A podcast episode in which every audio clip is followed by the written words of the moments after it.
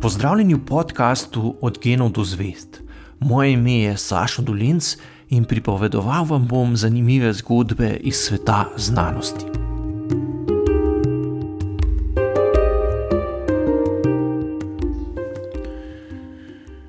Zgodba o ruskem botaniku, genetiku, geografu in postolovcu Nikolaju Ivanoviču Vavilovu je gotovo ena od najbolj zanimivih, a hkrati najbolj žalostnih epizod iz zgodovine naravoslovne znanosti 20. stoletja.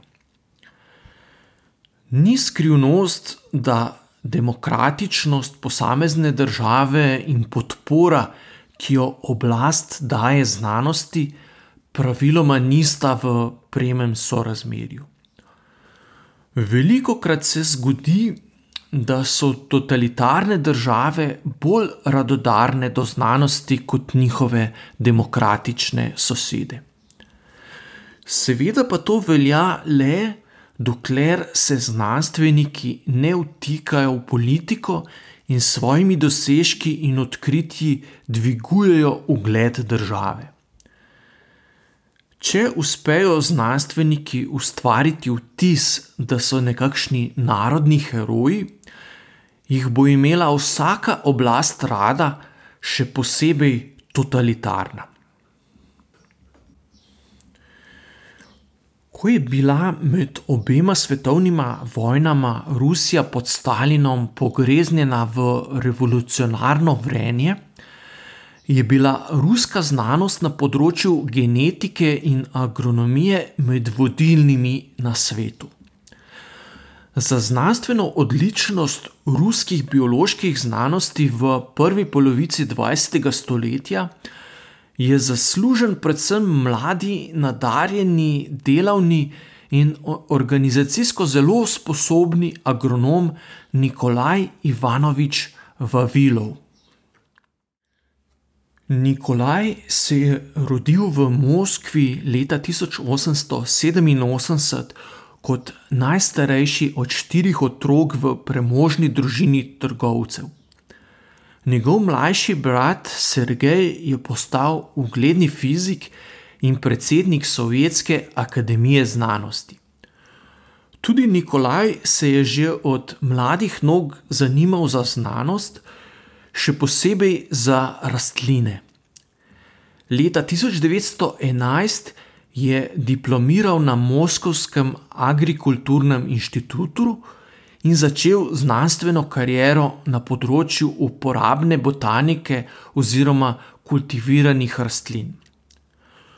Ključni trenutek v njegovem znanstvenem razvoju je bila odločitev njegovih nadrejenih, da ga leta 1913 pošljejo v Anglijo na izpopolnjevanje z področja genetike.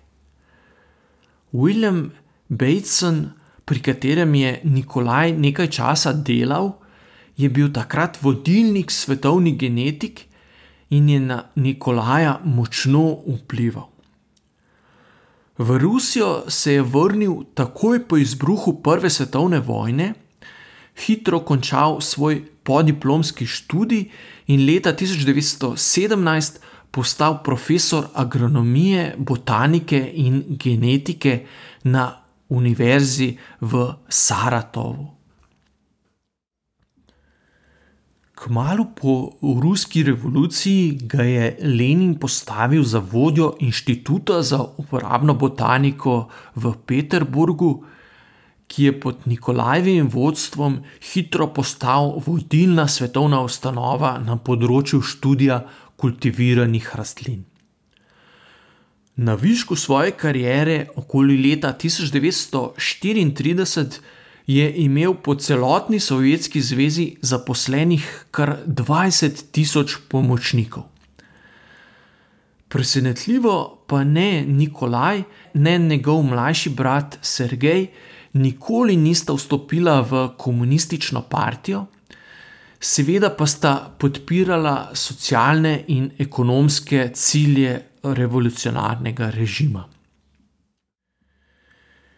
Nikolaj Vavilov je imel neverjetno energijo in zagnanost do dela.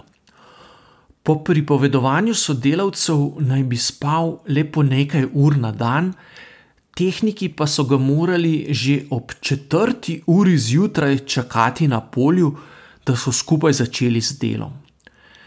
Ker je poznal osnove genetike, ki jo je spoznal med študijem v Evropi, je vedel, da lahko skrižani ustvari boljše in na bolezni odporne rastline samo, če ima na voljo veliko različnih rastlinskih sort in vrst.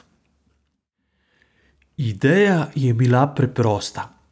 Da bi vzgojil za gojenje hrane čim boljše rastline, je potreboval čim večji arhiv rastlin vseh vrst in variacij, da jih je lahko križal in iskal tiste, ki so bile najbolj primerne za gojenje.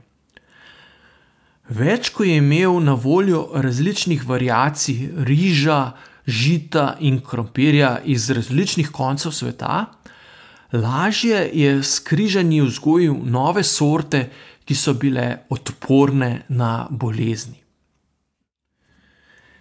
Seveda pa nabora semen različnih variacij posameznih rastlin ni imel, zato je v obdobju, ko je bil vodja Inštituta za uporabno botaniko, organiziral več sto znanstvenih ekspedicij v Azijo, Afriko, Ameriko in na Bližnji vzhod, na katerih so nabrali vzorce več deset tisoč rastlinskih vrst. Iz oddaljenih gora, gozdov in travnikov je Vavilov domov na svoj inštitut v Leningradu pošiljal redke sorte prehranskih rastlin, kot so riž, pšenica, koruza, ječmen, oves in krompir. Seveda pa so ga zelo zanimale tudi takrat manj znane poščine, kot so leča, čičerika, soja in še nekaj drugih. Ustvaril je največjo zbirko semen na svetu z nekaj sto tisoč vzorci, med katerimi je bilo samo vzorcev sort pšenice okoli 30 tisoč. Nekaj rastlin, ki jih je našel, v Evropi takrat še niso poznali. Včasih je dobil semena rastlin kar na tržnicah odročnih krajev, spet drugič je imel več težav. Z ene od afriških ekspedicij na področje današnje Etiopije v 20. letih 20. stoletja se je menda komaj vrnil živ. V svojih zapiskih opisuje, kako je med iskanjem redke sorte pšenice in ječmena brodil po modrem Nilu in si utiral pot med velikanskimi krokodili, ki so naj prežali z vseh strani. Ko je prenočeval v šotoru na rečnem bregu, ga je po noči napadla množica pajkov in škorpionov, a jih je uspel zvijačo spraviti iz šotora. Pred šotorom je prižgal oljno svetilko in svetloba je hitro zvabila nevarna bitja na prosto. Še globje v afriški divjini so ga zajeli oboroženi razbojniki, ki jih je uspel onesposobiti na povsem ruski način. Opil jih je z najkvalitetnejšo vodko in pobegnil, ko so opiti z alkoholom zaspali. Leta 1923 je po celotni Sovjetski zvezi postavil več sto eksperimentalnih postaj, kjer so preizkušali posamezne poščine. Nekaj let kasneje so vse te centre združili pod krovno Leninovo akademijo za agrikulturne znanosti, katere predsednik je postal v Vilo. Isto leto so ga izvolili tudi za rednega člana Sovjetske akademije znanosti. Leta 1926 je objavil odmevno razpravo o geografskih izvorih kultiviranih rastlin. Zagovarjal je tezo, da ima vsaka udomačena rastlina nekje na svetu svoje področje izvora, kjer lahko najdemo tudi največjo genetsko raznolikost te posamezne rastlinske vrste. Če recimo iščemo nove sorte krompirja, moramo ponje v Južno Ameriko, saj krompir izvira z področja današnjega Peruja, Ekvadorja in Bolivije. Ko je Nikolaj vodil inštitut, so bili ruski rastlinski genetiki med najboljšimi na svetu. Odkrito je podpiral mednarodno sodelovanje in prenos novih znanj Zahoda, kar je bilo sicer dobro za rusko znanost, ni pa ustrezalo državni ideologiji. Ko se Stalinova reforma kmetijstva s pomočjo kolhozov ni ravno obnesla, so potrebovali grešnega kozla. Nikolaj Vavilov je bil primerna žrtev, saj so se, saj so se na nj že usule kritike o upravičenosti dragih in pogostih potovanj v otročne tuje kraje. Vavilov se je branil a, a argumenti niso prav nič šteli. Večino najpomembnejših funkcij na področju sovjetskega biološkega in agrikulturnega raziskovanja je prevzel karizmatični, a slabo izobraženi agronom Trofim Denisovič Lisenko, ki je pritegnil pozornost oblasti s svojo alternativno verzijo biologije. Lisenko je zagovarjal nekakšen lamarkizem. Po njegovo je bila Vavilova metoda iskanja novih sort rastlin s pomočjo križanja preveč akademsko abstraktna in buržoazna. Sam je predlagal veliko bolj preprosto in po njegovo tudi učinkovito metodo dresiranja rastlin, s pomočjo katere bi rastline učil in jih tako usmerjal v želene oblike, ki bi dale največ hrane. Lisenko je posebljal mitični ideal sovjetskega kmečkega genija, ki je medije polnil s herojskimi dosežki domače pristne znanosti. Ko je bil leta 1936 Lisenko nagrajen z redom Lenina, je časopis Pravda objavil zahvalno pismo njegovih staršev, naslovljeno na Stalina. Dan, ko smo izvedeli, da je bil naš trofim odlikovan z redom Lenina, je bil najsrečnejši dan našega življenja. Kako bi lahko kdajkoli sanjali o tako veliki časti, ki je doletela nas, uboge kmete iz vasi Karlovka? Seveda se Lisenkovi poljedelski čudeži v praksi niso obnesli.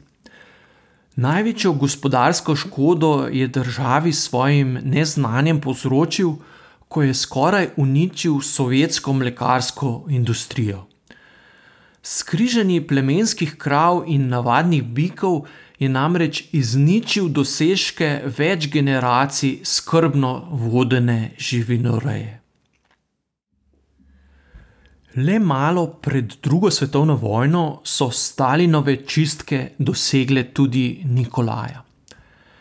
4. avgusta 1940 so ga aretirali na ekspediciji v Ukrajino in ga obtožili sabotaže ter sodelovanja z buržoaznimi reakcionarnimi silami.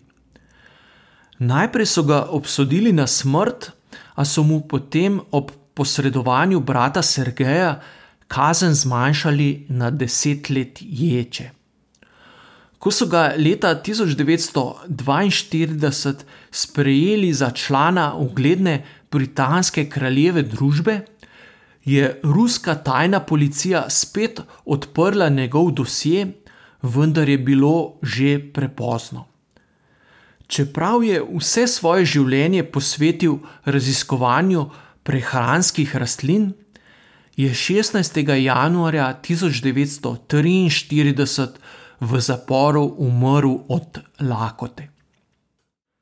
O karizmi, ki jo je imel v Vilov, priča tudi zgodba iz časov obleganja Leningrada med drugo svetovno vojno, ko je bila v mestu strašanska lakota in so ljudje umirali kar na cestah. Nekaj njegovih sodelavcev je vse čas požrtvovalno varovalo inštitut in dragoceno zbirko semen, ki so jih z velikimi težavami nabrali na odročnih predeljih sveta. Vsaj deset sodelavcev inštituta je umrlo od lakote, ne da bi se dotaknili dragocenih vzorcev krompirja, riža, koruze in drugih poščin iz odročnih krajev.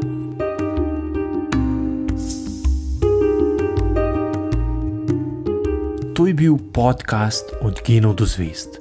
Moje ime je Saša Dolence in z novo zgodbo se vam oglasim že k malu.